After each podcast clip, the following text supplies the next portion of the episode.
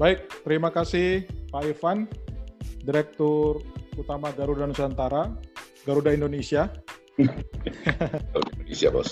Garuda Indonesia atau kalau di Bursa Efek Indonesia kita kenal dengan kode GIA Pak. Karena kebetulan ya. memang eh, banyak pembaca dari tagar.id dan tagar TV itu uh, mencari informasi di kita tentang perusahaan yang sudah listing di Bursa Efek Indonesia, Pak.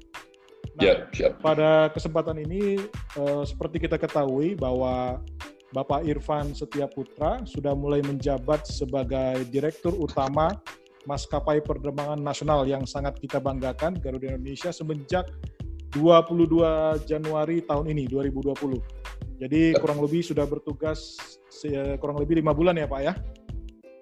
Lima bulan. Lima bulan. Dan memang kita pahami situasinya tidak mudah ya. Saya juga waktu mendengar kabar Bapak diangkat dan Bapak bersedia uh, cukup terkejut dengan uh, track record Bapak yang sebenarnya juga uh, bagus diberikan tantangan seperti Garuda Indonesia di situasi yang tidak mudah kalau kita lihat di kinerja keuangannya bahkan sempat ada beberapa cases yang terjadi tapi kita mungkin melihat ke depan Pak, bahwa tantangannya saat ini yang ada adalah uh, mengenai pandemi COVID-19. Ya, seperti kita ketahui uh, terjadi dampak yang luas sekali dan salah satu sektor yang paling berat dampaknya adalah sektor atau industri penerbangan. Ada pernyataan dari Asosiasi Transportasi Udara Internasional (IATA) mereka menyatakan dan memperkirakan bahwa lalu lintas penumpang udara itu tidak akan pulih ke tingkat sebelum krisis ini, Pak. Sampai setidaknya 2023. Jadi butuh kurang lebih tiga tahun. Nah, bagaimana pendapat dari Pak Irfan mengenai hal ini, Pak?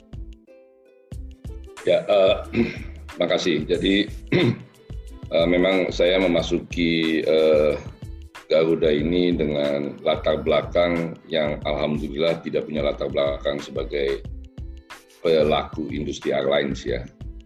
Apakah itu jadi alasan saya dipilih? Bisa jadi ya, bisa jadi enggak. Tapi memang eh, pengalaman saya tidak di industri airlines ini, jadi memang eh, cukup menarik lah dan cukup mungkin juga jadi banyak pertanyaan kenapa yang dipilih Irfan.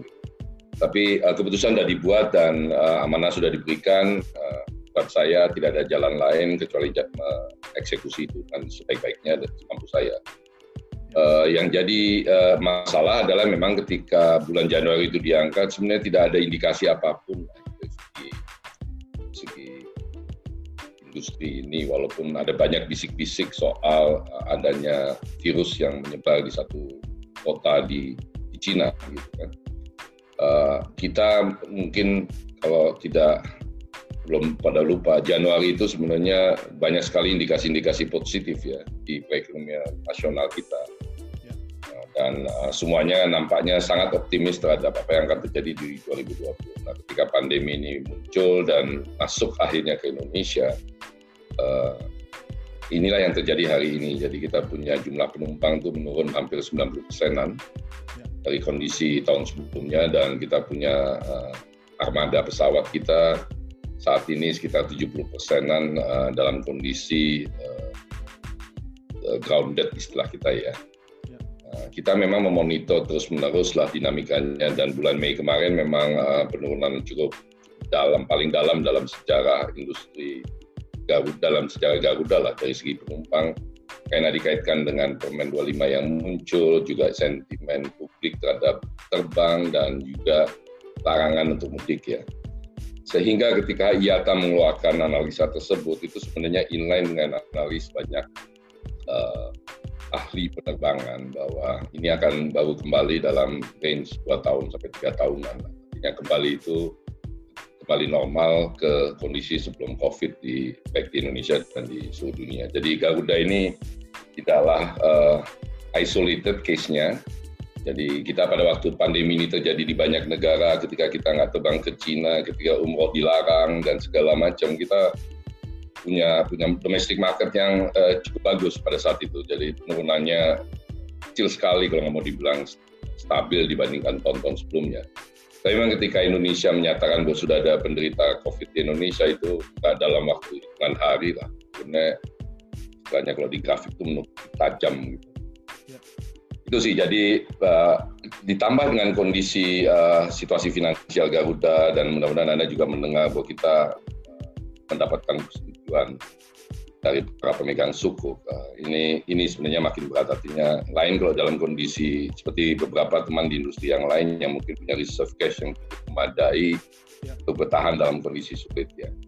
Uh, itu sih yang yang yang yang terjadi di Garuda dan uh, kita memang mesti menyelesaikan banyak persoalan atau beberapa persoalan yang muncul di uh, periode kepemimpinan sebelum-sebelumnya yang kita mesti selesaikan dan kita mesti hadapi situasi hari ini. Sehingga mood kita memang sekarang adalah survival. Sedemikian rupa sehingga kita bisa lewati uh, pandemi ini dengan sebaik-baiknya. Bisa lolos lah dari ini dan kemudian tentu saja di dalam proses meloloskan diri ini kita juga mesti memikirkan posisi kita ketika pandemi ini lewat. Tapi kembali ke kondisi uh, sebelum COVID, ini memang sangat menantang karena uh, kita akhirnya di riset yang kita lakukan itu ada banyak sekali pendapat yang menyatakan bahwa the behavior behavior ya orang terbang orang terbang itu kan pasti ada alasan ya. ya itu mungkin akan berubah dan orientasi dia mungkin akan berbeda dibandingkan jauh-jauh sebelumnya. Ini yang membuat uh, saya punya keyakinan recovery ini akan, akan cukup lama challenge kita adalah membuktikan atau memastikan bahwa recovery itu tidak selama itu. Karena dua atau tiga tahun recovery itu menurut saya nggak banyak airlines yang akan bisa bertahan dan uh, kuat nahan diri untuk bisa sampai kembali ke posisi sebelum COVID. Iya Pak, uh, tadi sudah sempat Pak Irfan menyatakan bahwa uh, behavior dari calon penumpang ya Pak. Uh, kita dengar memang Garuda ada saya lihat juga posting di Instagram uh, Your Life is Matter di mana uh, Garuda menerapkan jarak ya Pak antara penumpang di dalam pesawat. Tentunya otomatis uh, load factor ataupun tingkat keterisian dari penumpang kan berturun akan turun ya Pak ya. Sementara ya. kita pernah uh, riset, kita pernah baca uh, margin 1-2% itu diperoleh oleh maskapai penerbangan jika tingkat keterisian itu di atas 70 persen, Pak. Nah, berapa persen akhirnya load factor ketika harus menghilangkan atau membuat jarak di tengah ya, Pak, eh, posisi yang akan dikosongkan kurang lebih ya, Pak. Mungkin bisa dijelaskan, Pak, impact-nya. Iya, jadi uh, mungkin uh, teman-teman juga tahu ketika pertama kali keluar aturannya itu 50 persen ya. ya. Dan kita istilahnya diskusilah dengan otoritas, dengan banyak pihak, untuk menaikkan ya, load factor ini. Tetapi mungkin berbeda dengan pendekatan operator lain. Kita dari awal sudah sangat menyadari bahwa physical distancing itu hari ini uh, isemas ya, hari ini ya. Hari ini persepsi publik mengatakan bahwa saya hanya mengasah aman kalau ada jarak. Jadi ini bukan bukan aturan, bukan hukum, tapi uh, public opinion ya yang menentukan itu. Sehingga kita menerapkan dari awal uh, physical distancing ini. Nah, berapa load factornya itu kan tergantung daripada konfigurasi pesawat yang kita gunakan. Kita kebetulan punya dua jenis pesawat yang kita uh, operasikan untuk domestik yaitu Airbus maupun 737NG ya. 737NG itu konfigurasinya adalah 33 untuk economy class, 22 business class. Nah, untuk 737NG ini dan konfigurasi 33 pada yang di 33 ini kan kita kosongkan tengahnya Ya. Sementara yang di bisnis kelas itu setiap dua tempat duduk satu orang saja duduk.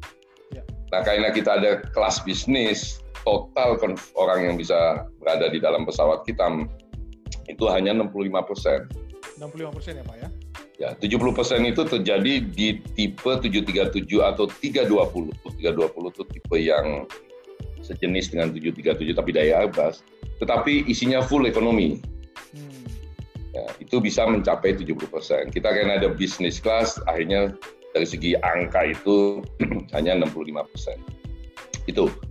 Nah, memang uh, masih kita lihat nanti di kondisi lapangan perkara 70% ini karena kita kan harus mengakui juga ketika naik pesawat uh, suami istri bawa anak kecil satu, masa anak kecilnya duduk di seberang kan, ya. kan mesti dipegangin. Nah ini uh, mesti ada kesepakatan nanti antara maskapai dengan penumpangnya tetapi juga mesti ada kesepakatan dengan penumpang yang lain. Ini kita kita saling mencoba mencari model kesepahaman baru soal physical distancing maupun angka-angka di dalam pesawat. Tapi kita committed maksimum kita committed physical distancing akan jadi satu uh, standar baru kita. Sementara kalau kemudian sorry tadi saya dapat dapat message sebenarnya bukan 65 63 lah lebih persisnya.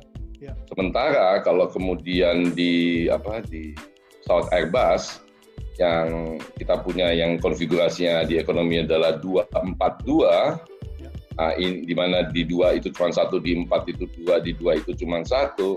Dengan bisnis kelasnya kita malah cuma di angka 50 51 persen. Jadi ini ini memang buat Garuda sangat menantang uh, posisi ini, tapi karena kita komit, karena buat kita ngapain kita maksain 70 persen atau ngapain kita maksain 100 persen, ngapain kita ngotot physical distancing, ujungnya kan yang menentukan kan akhirnya uh, penumpang kan. Ya. Kalau dia merasa nggak aman ya nggak nyaman ya dia nggak akan naik gitu kan. Jadi saya juga sampaikan sama teman-teman di industri ini sudahlah kita sepakat aja physical distancing sebagai satu modal baru. Dan saya percaya dari waktu ke waktu, misalnya nanti sudah mulai menurun uh, apa, jumlah yang terpapar di Indonesia maupun ada indikasi positif soal vaksin, mestinya para penumpang akan bisa juga menerima posisi uh, berdekatan gitu. Ya. kita kan ada istilah istilah ya kita kan ada istilah kadal ya. Mm -hmm kalangan dalam gitu. Kalangan dalam bolehlah dekat-dekatan. Mantap nih istilahnya, Pak. Artinya kalau di bawah 70 persen, tadi angka 63 persen untuk Boeing dan di Airbus itu 50 persen, Pak. Kecil-kecil bisa ulang, ulang kecil suaranya. Artinya kalau ada load factor yang hanya sekitar 63 persen tadi untuk Boeing, kemudian eh, Airbus itu di 50-51 persen, Berarti mau nggak mau Garuda Indonesia harus menaikkan ini dong Pak, tarif ya, tiket dari penumpang Pak.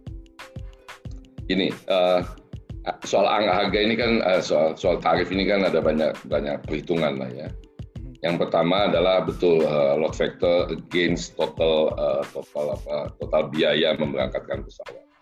Yang kedua, tapi kan sebenarnya yang paling penting saya saya saya sepakat dengan anda persoalan bahwa industri ini adalah industri yang marginnya kecil sekali, single digit. Ya. ya. Yang kedua adalah industri ini hanya bisa mendapatkan single digit margin itu pada load factor tertentu. Nah, ada yang 70, ada yang 90. Ya. ya kan? Tapi 70-90 ini kan sang, akhirnya sangat tergantung daripada tarif yang Anda gunakan. Ya. Nah, dengan tarif hari ini yang kita miliki, Kemudian andaikan kita tidak bisa melakukan uh, manipulasi, sorry, adjustment terhadap cost kita, tidak melakukan efisiensi yang drastis, tapi sambil tetap memastikan bahwa penerbangan itu aman, 70% itu di atas kertas hitungannya adalah negatif margin. Hmm. Tapi kan pilihannya sederhana, pilihan pilihannya sederhana. Yang pertama yang Anda harus lakukan sebagai maskapai, adalah Anda mesti tekan cost maksimum semaksimal mungkin yang Anda bisa lakukan. Hal-hal yang sifatnya luxurious itu mungkin perlu kita lihat lagi. Salah satu komponen yang terbesar di dalam harga pesawat, harga, harga penerbangan itu kan adalah sewa pesawat. Ini yang kita lagi terus-menerus uh, negosiasi dengan Leicester dengan kondisi keterbatasan kita untuk memperoleh uh, harga yang lebih baik untuk sewa pesawat. Yang kedua tentu saja kita harus pastikan uh, apa komponen-komponen lain itu bisa juga kita turunkan. Yang dan uh, apa overhead cost, overhead cost ini kan cost-cost yang yang nggak terkait langsung dengan perkembangan itu kayak head office cost, gaji saya, begitu kan fasilitas saya, mesti dilihat lagi lah supaya overhead cost-nya nggak tinggi untuk memastikan 70 persen. Tapi memang betul, saya setuju dengan Anda, apalagi dengan 63 kita memang sangat akan menantang dari segi margin itu. Ya. Nah pertanyaannya adalah apakah akan kita naikkan tarif? Ya. Kita pada hari pada posisi hari ini memang sudah sudah melemparkan uh, wacana itu. Tapi ketika kita lemparkan di komunitas kecil aja sudah terjadi penolakan yang cukup uh, cukup Tinggi. besar lah, berat lah gitu kan. Ya. Karena gini, saya saya mau tim manajemen kita tahu lah sekarang ini terbang jadi lebih mahal walaupun tarifnya sama itu apa? Anda mesti melakukan tes kesehatan. Anda mesti memastikan Anda sehat. Anda sehat itu kan kadang-kadang minggu sebelum berangkat sudah mesti minum vitamin banyak-banyak, tidur, ya. ya kan, olahraga, ke gym itu kan semuanya ada cost lah. Ya. Kan? Nah, jadi orang sekarang kalau terbang mungkin lebih mahal. Kalau kita naikin lagi, uh, bagaimana reaksi? Kita tunggulah, kita tunggu sama-sama. Uh, dan kalaupun akhirnya kita diizinkan dinaikkan, naik, menaikkan harga uh, tarif pesawat, pertama tentu saja persetujuan regulator ya. ya. Dan kedua, saya dan saya sekarang lagi mengajak nih tim manajemen Garuda untuk selalu mengambil keputusan not one sided lah ya. ya. One sided itu maksudnya ya kita dengar juga lah publik. Kalau kita mau melakukan sana sesuatu yang mungkin tidak enak kita sosialisasikan lebih dahulu supaya nggak terjadi kejutan-kejutan yang tidak perlu dan uh, dianggap kita zolim lah main naikinnya. Tapi kalaupun naikin paling juga 10-20 persen. Karena buat kita gitu ya. paling paling paling nggak mungkin lah dua kali lipat gitu kan. Uh, udah gila juga kalau dua kali lipat kan. Tapi uh, Kenapa? Karena kita mau orang sekarang terbang itu merasa bahwa aman dan kemudian bisa cerita sama yang lain, yang lain ikut terbang, cerita yang lain sehingga menjadi terjadi bola salju dan recovery ini bisa kita percepat. Jadi kalau Anda tanya sama saya, Pak Ivan Anda mau ngambil margin gede nggak dalam kondisi begini, tetap recovery-nya lama, saya lebih prefer ngambil margin kecil, tapi recovery-nya bisa kita. Oke Pak, uh, sangat clear. Uh, belum lagi memang kita ketahui kan kita negara kepulauan ya Pak, artinya kebutuhan untuk masyarakat tetap terbang tentu masih ada di sana. Jadi uh, balik lagi betul sekali, seperti yang kita ketahui ada bahkan beberapa daerah uh, tidak hanya rapid test yang diperlukan ya Pak untuk izin bisa ya. terbang, tapi juga bahkan uh, PCR, PCR test yang harganya juga lebih mahal dari situ. Ya. Oke, tadi sempat uh, kalau kita rangkum sedikit tentang situasi penerbangan khusus Garuda Indonesia, Pak. Yang saat ini masih tutup di mana saja, Pak? Wah, uh, oke, okay, yang jelas Cina ya. Cina kita tutup. Uh, ha, Saudi Arabia kita nggak terbang. Ya. Nggak tutup, tapi nggak terbang. nggak terbang karena uh, umroh nggak ada, apalagi kemarin diputuskan haji ada, kalau domestik sih rasanya kita tebak oh uh, Irian Papua Papua beberapa waktu yang lalu karena mereka memang melarang kita masuk sana tapi kemarin kita baru dapat surat dari uh, daerah sana untuk uh, membuka lagi uh, kita lebih milih tetap terbang ke satu lokasi tapi frekuensinya kita kurangi hmm. karena contoh anda anda tadi sampaikan kepulauan gitu kan misalnya ke Jayapura misalnya ke Jayapura dari Jakarta kan nggak ada pilihan kan. Betul. Kecuali naik pesawat. Ya. Nah yang sekarang kita tawarkan atau kita pastikan adalah yang penting kalau ke Jayapura ada tuh ada penerbangan minimal seminggu sekali ke sana. Okay. Ya orang yang mau terbang ini ngejas-ngejas lah ya kan. Balik lagi seperti zaman tahun 70-an lah. Ya. Ngejas-ngejas lah. Gitu. Nanti pelan-pelan kita tambahkan frekuensi uh, according to kebutuhan. Oke. Okay. Kalau bicara angka nih Pak, karena kebetulan tadi yang saya jelaskan banyak dari pembaca dan penonton kita itu dari orang-orang yang uh, terjun ke pasar modal Pak ya. Jadi mereka menarik mungkin uh, dengan investasi, kita bicara saham dalam hal ini. Kita lihat angka di 2019 Pak. Jadi Garuda Indonesia itu kan total penumpang yang diangkut 31,9 juta, jadi termasuk Garuda Indonesia dan anak perusahaan Citylink dan ada pesawat 210 unit yang dioperasikan dengan keterisian 74,20 persen. Dan ada kargo yang diangkut walaupun masih single digit kalau tidak salah dari total revenue itu sekitar 335 ribu ton. Nah, bagaimana sekarang porsi atau persentase dari kargo terhadap penumpang, Pak? Apakah ada shifting?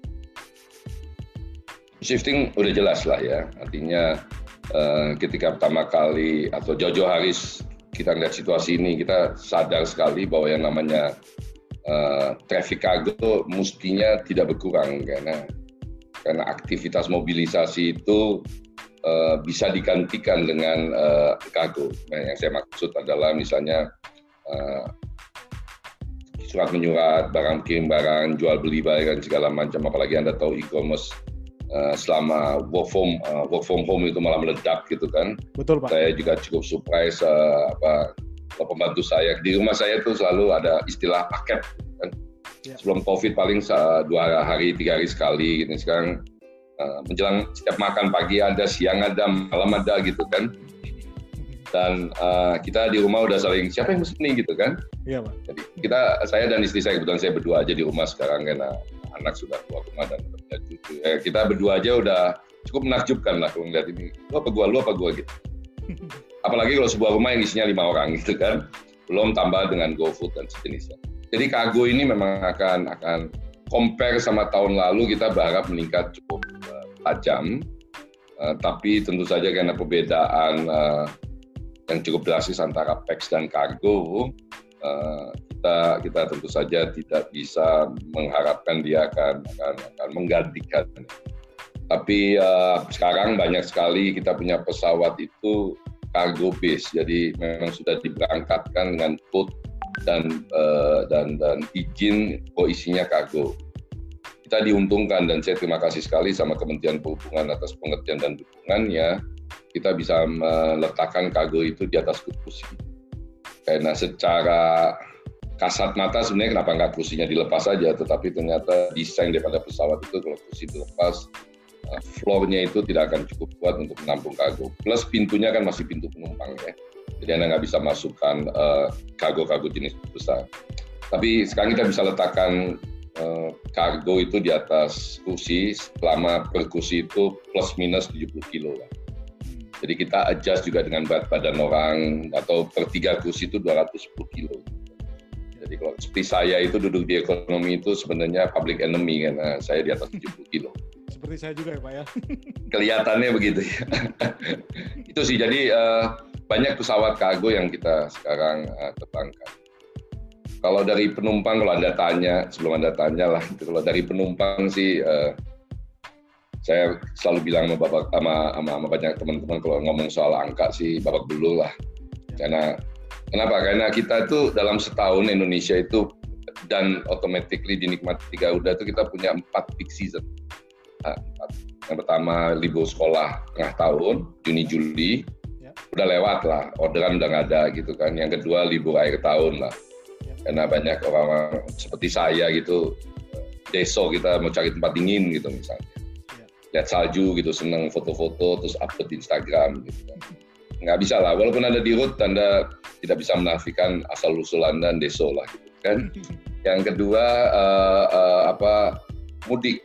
Yang ketiga mudik. Ya. gon juga kan opportunity mudik itu kan. Ya. yang gon lebih gede lagi adalah haji.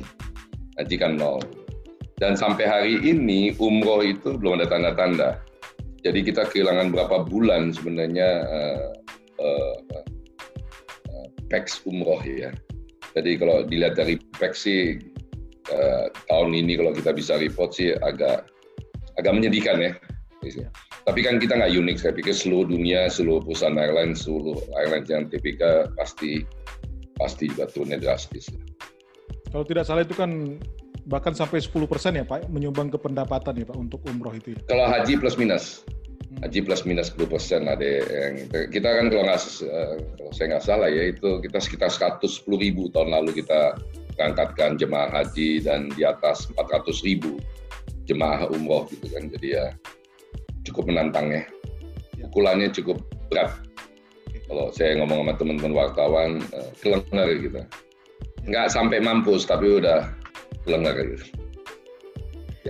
Nah, situasi sebelum ya memang sebelum uh, Pak Irfan menjabat sebagai direktur utama kan memang salah satu beban berat dari Garuda itu adalah uh, persoalan debt Pak ataupun uh, utang dari perusahaan.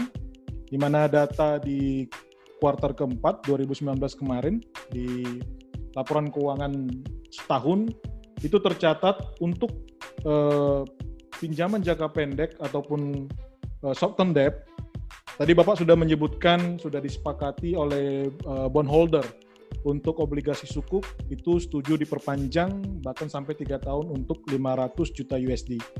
Tapi kan sebenarnya kita masih punya list ini Pak. Ya, dari total data yang kami catat itu untuk short term debt total itu 1,7 miliar uh, dolar Amerika Serikat Pak. Jadi kalau kita kurangkan 500 masih ada sekitar 1,2 miliar ini Pak. Ini bagaimana strategi yang dilakukan oleh Pak Irfan dan teman-teman direksi untuk uh, menegosiasikan ini, Pak? Karena saya dengar uh, mungkin bisa diverifikasi nanti yang disepakati mungkin bukan restrukturisasi tapi lebih ke refinancing ya Pak ya? Ya, jadi uh, kalau soal uh, lo, uh, pinjaman ya, pinjaman baik yang jatuh tempo dan segala macam. Dalam kondisi normal, ini diskusi kayak gini enak nih ya. Uh, yang mana Pak yang mau di uh, refinance, yang mana yang mau di extend, yang mana mau diselesaikan gitu ya. Tapi kondisi hari ini saya pikir dan semua airlines pertama menyelesaikan utang itu sebuah keniscayaan ya jadi pilihan kita akan melakukan restructuring dan melakukan extension. Diskusi kita secara overall dengan semua pemegang uh, dengan dengan pihak yang kita berhutang itu rasanya arahnya dan beberapa sudah terselesaikan sikap sifatnya lebih soal extension. Karena restructure ini kan uh, rasa belum gini. Restructure ini ketika kita sama-sama tahu what's gonna happen in the future kan the next one two years futures gitu. Hari ini yang dengan dinamika seperti ini, kalau anda ngambil potret bulan Mei gitu sih, saya pikir nggak ada nggak ada pihak uh, yang kasih kita pinjaman itu uh, menyetujui restructuring itu. Jadi saat ini buat yang jatuh tempo dan belum yang jatuh tempo, discussions kita lebih difokuskan ke extension.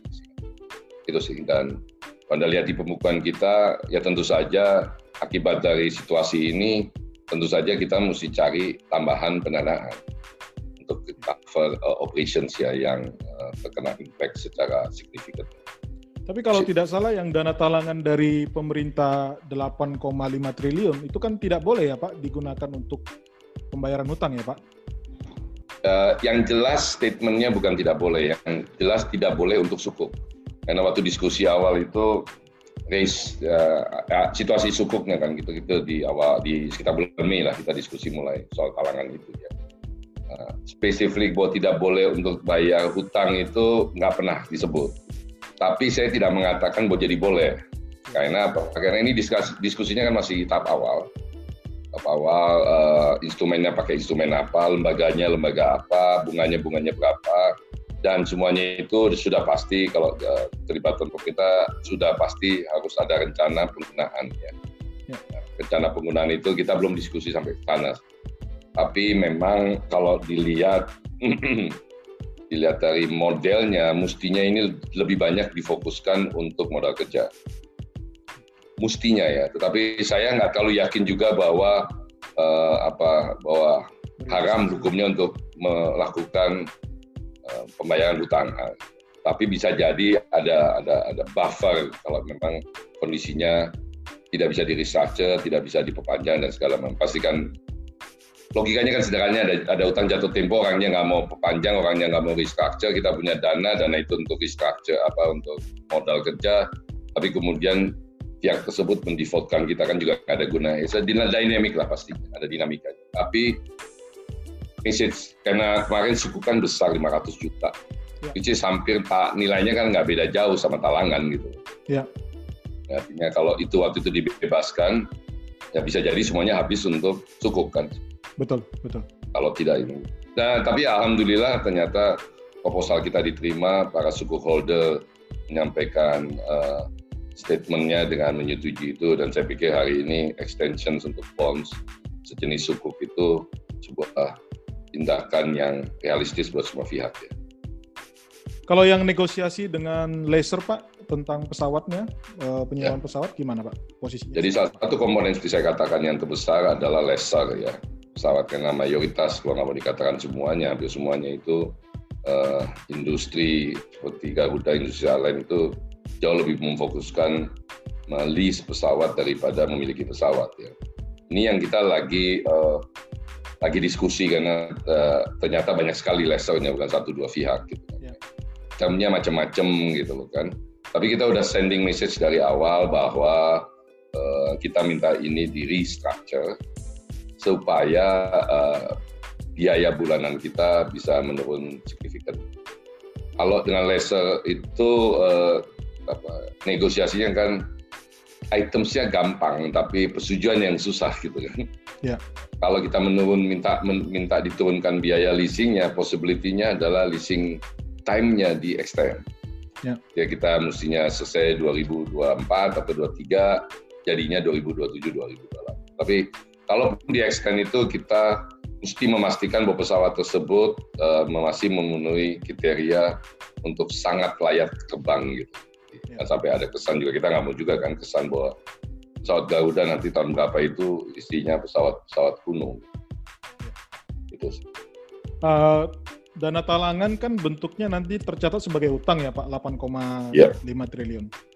Apakah ada rencana lagi dengan situasi sekarang yang membutuhkan cash flow untuk right issue Pak Garuda? Uh, pada level itu enggak. Ini diskusi pemegang saham antara terutama yang majority antara pemerintah Republik Indonesia, Q2, Kementerian Keuangan dengan uh, Siti, uh, Pak Hairul dan tim. Jadi uh, hari ini diskusi itu belum ke situ. Tetapi apakah uh, ke depan kita masih membutuhkan dana tentu saja apalagi ketika ketika ketika covid ini memanjang recovery apa isu covid ini atau penyebaran covid ini memanjang dan dan dan dan apa uh,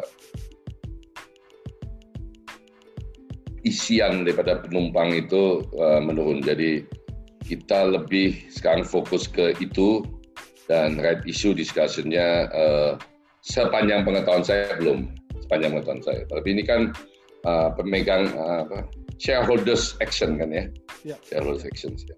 Karena kan pemerintah ada 60 persen. Betul. Terus yang besar kedua Trans Airways tadi Pak Khairul Tanjung ya Pak ya, 25 persen hmm. di sebagai pemegang hmm. saham mayoritas di Garuda Indonesia. Hmm. Oke, mungkin saya karena kita senang dengan angka Pak supaya lebih clear dalam analisanya. Artinya bisa nggak kita katakan, mungkin saya butuh pandangan atau pendapat dari Pak Irfan, kalau 2019 kemarin itu tercatat pendapatan 4,6 miliar dolar Amerika Serikat dan eh, laba bersih yang diatribusikan ke pemilik entitas induk itu 6,99 juta dolar Amerika Serikat. Dengan tadi ada sempat Bapak sampaikan bahkan di bulan Mei turun sampai 90 persen, eh, bisa nggak kita konklusikan bahwa 2020 ini situasi parah dan Garuda akan rugi bersih, Pak? Ya, itu itu uh, common sense lah. Ya, dengan dengan dengan EBITDA seperti itu, dengan margin yang sangat tipis itu, ini segala macam, uh, itu konsekuensi logis. Ketika anda punya pendapatan sebesar itu, bisa untung hanya segitu. Ya. Apalagi ketika pendapatannya menurun drastis kita belum tahu uh, kalau kita stretch sampai akhir tahun seperti apa. Saya cuma mengatakan banyak orang bertanya lah soal estimasi ke tahun depan. Saya kita dengan mudah kok kasih angka gitu. Ya. Tapi rasanya hari gini angka apa pun yang diberikan itu sangat mudah tidak dipercaya gitu kan. Ya. Ya. Artinya kalau saya bilang oh along the way sampai akhir tahun ini kita akan drop 90%, Anda juga tidak percaya kan ya, ya kan? Karena ada ada mestinya adalah ada optimisme, mestinya bisa ditunjukkan dengan performance yang Yang kedua adalah ketika kita dengan legacy mengatakan bahwa oke okay, Juli Juni seperti ini, tapi mendekati Desember kita akan kembali ke kondisi Desember 2019. Kayaknya juga lebih nggak masuk akal lagi gitu kan. Ya. So konsensus apa yang kalau anda tanya kita juga diskusi sama kementerian ketika diminta revisi KP misalnya saya cuma mengatakan setiap kali saya kirim revisi RKP, saat itu saya bikin yang baru lagi. Gitu kan. Ya, saya bisa. Ini dinamikanya kak saya saya sebagai orang luar airlines dan terlibat ini menurut saya gila nih dan gila, swingnya gila sekali. Gak pernah dalam histori pengalaman saya juga pribadi maupun interaksi saya dengan para eksekutif dalam waktu berapa hari itu gini mungkin. Dan nggak salah siapa-siapa bukan maksudnya kita nggak nggak nggak ada yang aneh nggak pesawatnya kecelakaan seperti kayak teman kita di negeri seberang gitu kan. Ya. ada kesalahan prosedur ada bribery issues di dalam kita ada skandal gitu kan nggak ada semua uh, is on the right track malah kalau orang bilang kalau itu udah lebih agak ke kanan lebih ya. kalau kita ngomong sisi agama negatif positif sudah sangat ke kanan gitu kan ya tiba-tiba plus gitu kan. Ya. Dan bukan kita aja, Citylink juga sahabat kita Lion juga sampai anda kan tahu dia sampai dua kali menutup operasi gitu kan. Ini, ini tanda-tanda sangat jelas bahwa. Tapi kalau anda mau lebih lihat lebih lebih jelas lagi, sesekali ke Cengkareng. Jumlah pesawat yang berhenti parkir sama jumlah yang terbang lebih besar yang parkir. Walaupun dua tiga hari ini kita lihat mulai banyak terbang ya. Bulan Mei itu kalau anda ke kantor saya ini itu suasana atau umur anda mungkin jauh ya, tapi kayak suasana kemayoran tahun 70-an. Pesawat naik turun itu sesekali. Untuk kalau anda misalnya dua tahun setahun kayak ini anda pergi ke daerah-daerah yang non wisata sepi gitu kayak masih Ciamis juga ya. Ini satu kota lah yang sehari pesawat masuk itu mungkin tiga empat keluar tiga gitu kan. Kan nunggu pesawat berikutnya mau berangkat kan lama banget gitu kan. Itu sih. Gitu jadi dinamikanya gila. Makanya saya selalu juga masih melihat wajah Pak Irfan segar masih gitu ya Pak dengan tadi kita diskusi tentang uh, luar tapi kan Anda nggak melihat hati saya yang teriris-iris kan? Ya gini gini uh, ini mungkin juga saya belajar dari banyak orang lah saya juga tanya sama para coach saya how to handle these situations like this. Ini sama kayak kalau saran orang yang katanya kalau kena cancer gitu um, kasih tahu teman-teman Anda bahwa Anda kena cancer, jangan tutupi itu. Tapi jangan minta dikasihani. Minta disupport tapi jangan minta dikasihani. Jadi kalau saya yang ngomong Garuda ini, saya inform kondisi nggak ada yang saya tutupin. Garuda dengan uh, dengan dengan sangat terbuka, apalagi kita TBK bilang kita turun 90 persen, pesawat kita 70 persenan itu counted. Tapi jangan kasihani kita, tapi support gitu kan. Supportnya apa? Kalau Anda punya duit, kasih pinjaman, gitu kan. Kalau Anda mau terbang, terbang sama saya, jangan sama yang lain. Kan gitu kan? Betul, betul. Itulah ceritanya. Kalau ada situasi negatif yang terjadi di Garuda, cek dulu lah sama kita sebelum jadi viral. Kan? Ya. Kalau ada positif, silahkan disebarkan. Jadi, dan yang terakhir adalah saran para coach saya, Van, sebagai CEO orang nomor satu, orang lihat muka lu. Kalau muka lucu, gitu sedih, aura negatif kan yang saya lemparkan. Saya kan mau mesti menyampaikan aura positif, walaupun hati terkoyak-koyak gitu.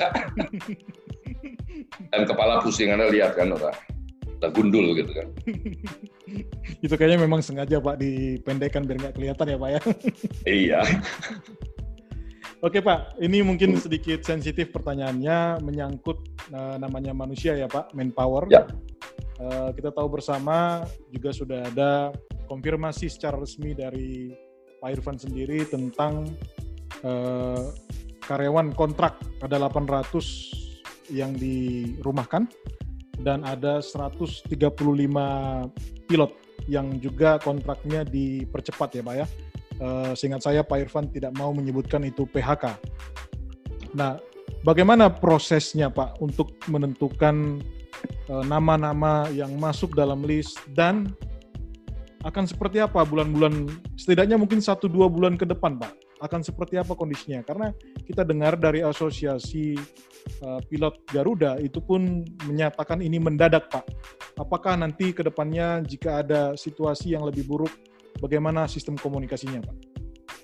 Ya uh, ya uh, asosiasi asosiasi itu partner kita lah ya mendadak atau tidak mendadak itu kan uh, domain waktu ya. Domain waktu. Uh, Anda ngajak saya interview kemarin, misalnya saya bilang mendadak. Bisa kan?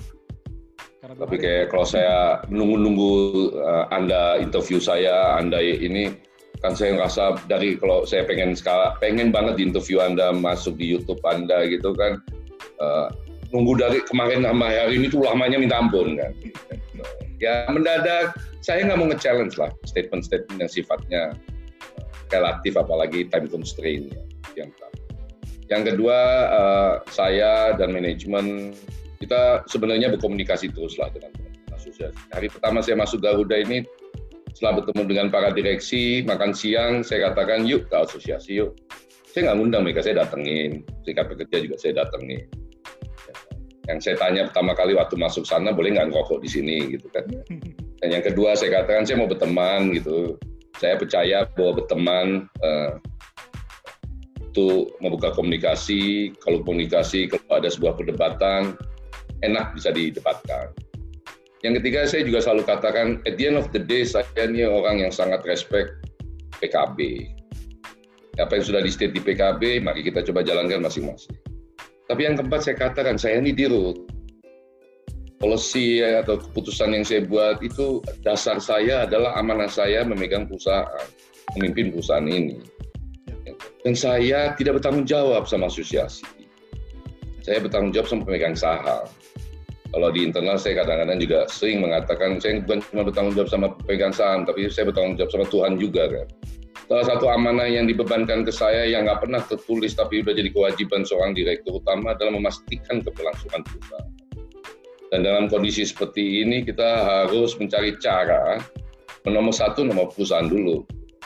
Tapi saya juga selalu katakan sama manajemen dalam melakukan tindakan-tindakan yang terkait sama eh, karyawan, jangan zolim lah, jangan zolim, jangan hak-haknya kita tidak penuhi. Karena saya ini kan juga karyawan dulu, dan kalau ngelihat manajemen senaknya saya akan nggak terima juga. Kan nggak bisa setelah jadi karyawan jadi manajemen terus berubah berubah sikap. Kita kan mestinya punya empati yang sama kan. Dan saya lama jadi karyawan. Dan keluarga saya juga banyak yang jadi karyawan gitu. Nah jadi ketika kondisi ini memburuk, salah satu yang jadi concern itu kan memang cost ya. Tapi saya nggak mau lihat cost ansih cost ya. Cost itu buat saya itu keharusan tetapi uh, itu, itu urgent, critical apa enggak. Contohnya tanaman di dalam kamar saya itu critical Nah, ya udah keluarin. Ya.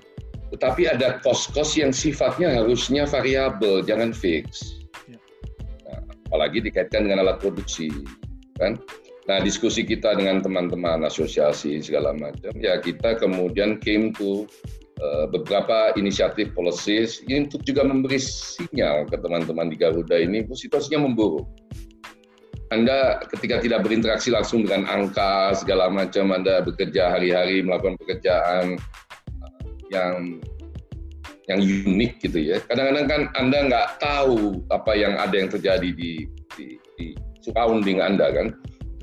Tapi hari ini dengan keterbukaan informasi yang gila-gilaan medsos segala macam, menurut saya sih semua orang kan tahu kondisi Garuda, mestinya ya. Saya kan cukup aktif di medsos dan interview wartawan, jadi kalau Anda nggak baca tagar, mesti baca yang lain, mestinya baca yang lain lah.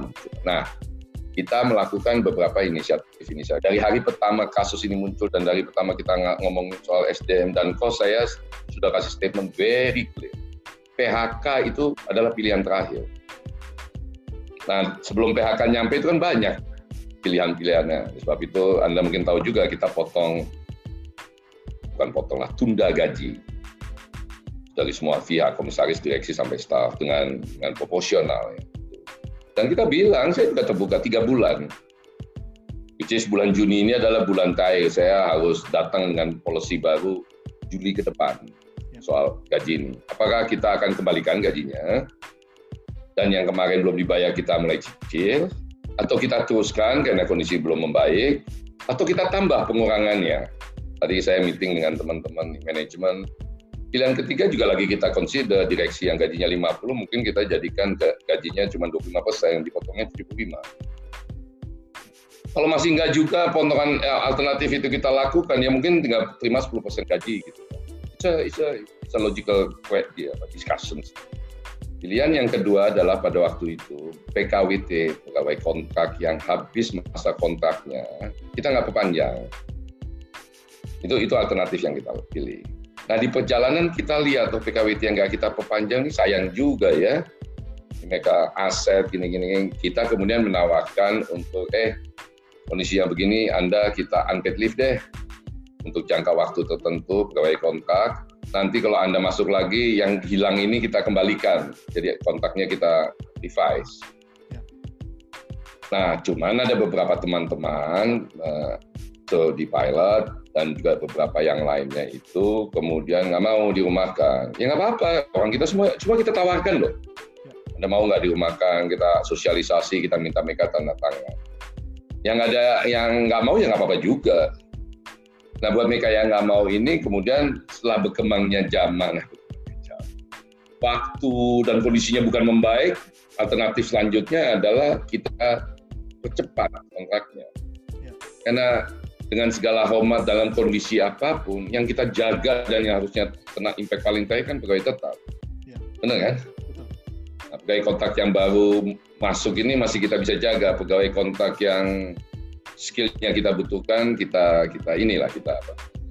Ya sudahlah kita selesaikan. Tapi nggak ada haknya yang kita kita takut-takuti. Dan memang di dalam proses announcement itu namanya diskusi kita direksi kan kita tanya nih kondisinya bagaimana ada juga yang ternyata miss gitu kan teman-teman mereka datang pak ini nyalain aturan saya bilang nyalain aturan apa oh pemberitahuannya nggak bisa begitu pak dua tiga hari harus tiga puluh hari oh ya mana ternyata banyak kontaknya beragam lah gitu ya ya udah kita turutin lah misalnya. Dan saya sih orang yang terlalu sangat terbuka loh. Kalau kita salah anda kasih tahu kita perbaiki. Buat saya SK direktur utama itu kelasnya berapa level di bawah Quran yang nggak boleh dirubah cuma Quran kan? Ya. ini semua orang repot. SK dia saya dan harga diri saya saya nggak jatuh kok. SK saya dikritik saya rubah. Yang namanya manusia kan bisa salah. Jadi kita rubah jadi oh ternyata nggak bisa efektif saat itu efektif 30 hari lagi. Ya oke okay, 30 hari hak-haknya apa masih mau cuti dan segala macam. Jadi gitu mas. Dan pertanyaan yang paling kritikal sekarang adalah what next kan? Nah, Vortex ini kan juga saya nggak bisa ngomong panjang lebar karena kita juga nggak tahu apa yang terjadi. What tomorrow. Contoh paling parahnya misalnya, misalnya Leicester yang negosiasi itu marah semuanya, terus mereka kirim surat semuanya bilang Garuda nggak boleh mengoperasikan pesawatnya. Selama belum menyelesaikan urusan dengan kita atau sepakat dengan maunya kita. Ya, semua pesawat tidak bisa beroperasi kan? Ya, ya.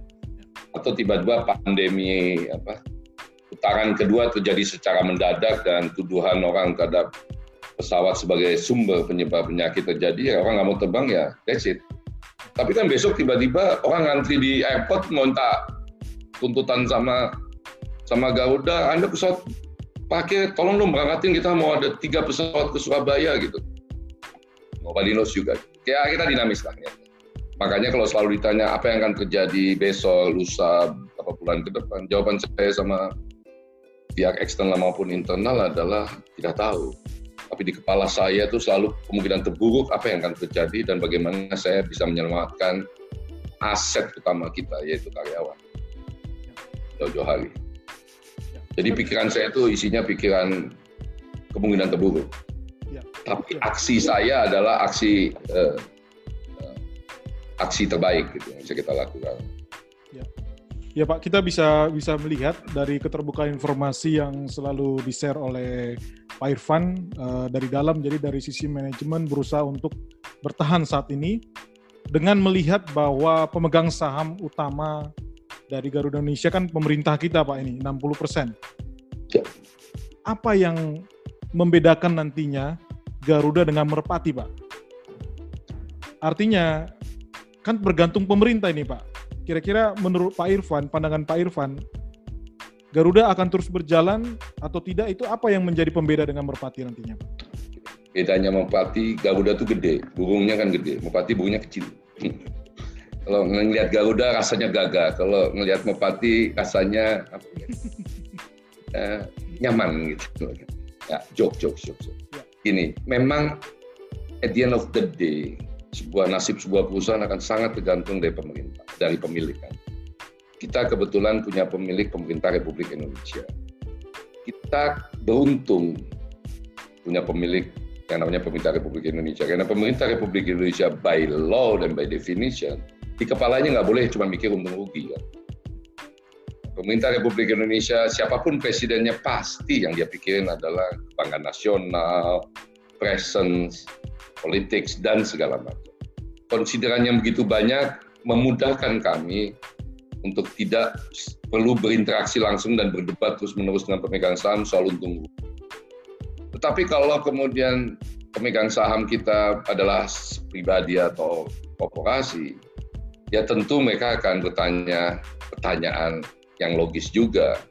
Saya sudah taruh duit sekian banyak, nggak pernah dapat dividen, disuruh nambah lagi, dan kayaknya berapa tahun ke depan nggak nambah dividen, pertanyaannya, gue mau terusin apa enggak? Dan gitu aja kan. Tapi karena kondisi pemerintah ini, saya kok ha, yakin, Hainul yakin bahwa mereka akan backup. Yang kedua adalah apakah ini juga sangat ditentukan oleh type management. Saya, Anda boleh cek sama siapa pun di Kementerian BUMN maupun itu. Saya bukan orang yang senang meminta sebelum kerja gitu kan. Saya bukan orang yang tiap hari nongkrong di Kementerian BUMN, Pak, nih hari ini kita rugi sekian nih, Pak, tolonglah Pak. Malah kadang-kadang saya suka dimain, Pak Ivan kasih tahu dong yang sebenarnya. Saya bukan yang menutupin, enggak. Tapi kan pemerintah Republik Indonesia itu ada 140 BUMN lain yang mesti dia pikirin kan. Yang yang yang yang yang damri teman-teman yang infrastruktur ini utang segala macam. Saya kok ngambil pilihan udahlah jangan ngeluh gitu kan. Lakukan yang terbaik apa yang kita bisa lakukan. Memang ditanya kita beberapa kali rapat lah dan kita diminta dibuka gitu segala macam. Kembali lagi alhamdulillah kita punya pemegang saham pemerintah yang kemudian mereka bicarakan mereka diskusikan dan muncullah dana talangan. Ya. apakah dana talangan itu yang terakhir? Nggak tahu juga kan yang saya hari ini dan tim manajemen Garuda mau menyatakan atau mencoba menciptakan persepsi atau meng, ya, memberitahu lah kepada semua orang. Kita ini coba kerja keras gitu. Ya. Kalau Anda datang ke kantor Garuda dari hari pertama COVID terjadi, dari hari pertama work from home, nggak ada satupun direksi Garuda ke kantor. Saya juga dimarahin gitu loh, Pak Ivan hati-hati gitu kan. Ya. Tapi saya katakan, ini amanah, saya ya mungkin perusahaan Anda atau ah, lembaga Anda bisa Anda kan dari rumah. Anda bisa bayangkan kalau saya nggak di, di kantor, apa kata manajemen timnya Garuda kan, pegawai Garuda kan, ya. Eh, pesawat menurun terus nggak dipakai, terus dirutnya ada di rumah.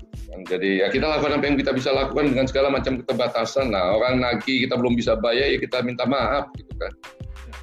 Kita belum bisa bayar gitu kan tapi saya penting untuk melihat ke depan gitu. Saya mau ngajak orang ke depan dan alhamdulillah kita punya banyak sponsor ya. Nanti pariwisata, Mas Wisnu Tama itu sponsor yang uh, sangat positif terhadap Garuda gitu kan. Uh, dan uh, kita bantu, kita kerjasama banyak bukan bantu lah, ada istilahnya bantu ya memang dengan Kementerian Luar Negeri. Kita sangat aktif dengan uh, gugus tugas, kalau Pak Doni telepon saya, Mas Mas Dirut ada barang nih di Korea bisa dibawa nggak? Siap, saya bilang gitu kan. Nah, usah hitung-hitungan lah itu kan yang mau dibawa itu juga barang untuk keperluan saudara-saudara saya juga. Gitu. Ya. Tapi kalau anda mau bayar ya kita terima kasih. Gitu. itu sih. Jadi uh, saya kok yakin ya kalau anda tanya. Tapi ini, ini memang challenge yang berat buat kita dan juga pemerintah. Jadi, uh, saya kalau melihat pemerintah kita ini melakukan apa yang bisa dia lakukan, tapi saya tahu lah ini banyak yang dipikirin. Dan mestinya meminta saya berada di Garuda ini bukan jadi juru bicara kan? Juru bicara setiap hari Pak Garuda begini Pak Garuda begini. Kan mereka berharap saya melakukan sesuatu yang kita bisa lakukan. Hasilnya ya kalau mereka nggak happy dengan Mas Ivan saya nggak suka nih. Saya nggak happy nih saya punya teman yang lebih jago kayak monggo sih dengan setengah hati. Gitu ya Oke, sudah tidak terasa hampir satu jam hmm. kita diskusi dengan Pak Irfan Setiaputra, Direktur hmm. Utama Garuda Indonesia. Terima kasih sekali Pak untuk waktunya. Mungkin di lain kesempatan kita bisa diskusi lagi. Semoga kondisi juga akan semakin baik di beberapa bulan ke depan Pak. Ya, Yos, Yos, boleh satu ya. satu statement ya? Ya, silakan Pak. Uh, ya, ini ini supaya teman-teman pemegang saham Garuda tuh percayalah, Siap. convince lah, dan juga yang mau beli juga convince Coba Anda lihat apa yang terjadi belakangan lah di Garuda gitu. Saya harus akui lah, Garuda itu sangat jago. Ya, menerbangkan orang Indonesia ke luar negeri. Ya. Kita tuh sangat jago loh mengkampanyekan di dalam negeri, sehingga banyak orang Indonesia naik Garuda ke luar negeri. Khususnya pegawai negeri dan pegawai BUMN lah ya. Dan kalau kita keluar negeri itu kita jago ngetoin schedule-nya. Sebelum jam 12 malam ya. berangkatnya. Boarding pass-nya itu sebelum jam 12 malam. Ya. Jadi kalau di SPJ dua hari, ya kan? Jago kita lah, kita semua. Nah, yang kita kurang, tapi kita ngelihat kalau anda googling segala macam kita disusul sama pariwisata, ya, anda googling, kita baru kaget bahwa ternyata ratusan ribu nomor satu ranking orang luar negeri yang nyari-nyari informasi soal Bali itu nggak ternyata nggak pernah dipakai oleh apa kita nggak pernah terbang ke sana yaitu Amerika, Prancis misalnya. Ya. Kita terbangnya kan ke Belanda, Kenapa? Karena ada histori kita kan nama Belanda. Tapi Belanda itu nomor sekian ternyata wisatawannya ke Indonesia. Ya. Jadi ada ada market nih yang kita belum belum belum sentuh gitu. Contohnya Amerika dan beberapa negara lain. Nah, kita nah, Amerika dan beberapa negara lain itu kalau ke Bali itu spendingnya lama dan mewah mereka. Ya.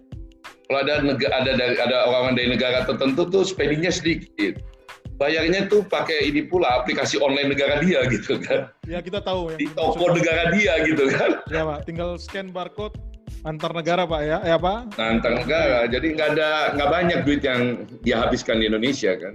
Ya, ya. Nah ini kita lagi diskusi dan saya excited bener nih bahwa apa bisa bawa wisatawan dan mengenalkan Indonesia dan bawa ke Bali dan beberapa destinasi yang lain di Indonesia. Itu dalam proses itu ya. dalam proses diskusi sekarang Pak atau gimana Pak? Kita lagi diskusi sangat ketat nih dengan Kementerian Pariwisata termasuk uh, mendiskusikan bagaimana begitu nanti Bali nggak rapid eh, nggak PCR lagi rapid test ya. ya. Kita bisa ke Bali dan mulai mengenalkan mengingatkan how beautiful Bali is gitu. dan uh, ya. positive experience apa karena di apa di komunitas kita tuh udah banyak yang kirim pesan kangen terbang ke Bali atau kangen terbang dengan Garuda. Gitu. Nah kita memaksimalkan itu supaya apa uh, sentimen masyarakat untuk uh, terbang dengan Garuda ya untuk makin cepat dan kita bisa recovery makin recover makin cepat. Yang biarin aja secara overall airlines yang lain dua tahun mudah-mudahan kita bisa setahun recover. Dan yang bisa bantu kan warga negara Indonesia juga ya. Betul, betul Pak. Apalagi Garuda betul. kan salah satunya yang besar domestik ya Pak ya. Betul. Paling besar dari sisi pendapatan. Baik. Siap. Ada lagi Pak Irfan? Nggak ada, thank you, thank you. Thank you waktunya. Mas, sekali lagi terima kasih Pak Irfan untuk waktunya. Buat Anda juga para uh, penonton kita dari uh, YouTube Tagar TV dan tagar.id, uh, nantikan diskusi selanjutnya dengan para pimpinan perusahaan yang akan kita bahas dan kita lanjutkan di minggu-minggu berikutnya. Don't miss it. Oke, sampai ketemu. Terima kasih Pak Irfan. Terima kasih. Assalamualaikum warahmatullahi wabarakatuh.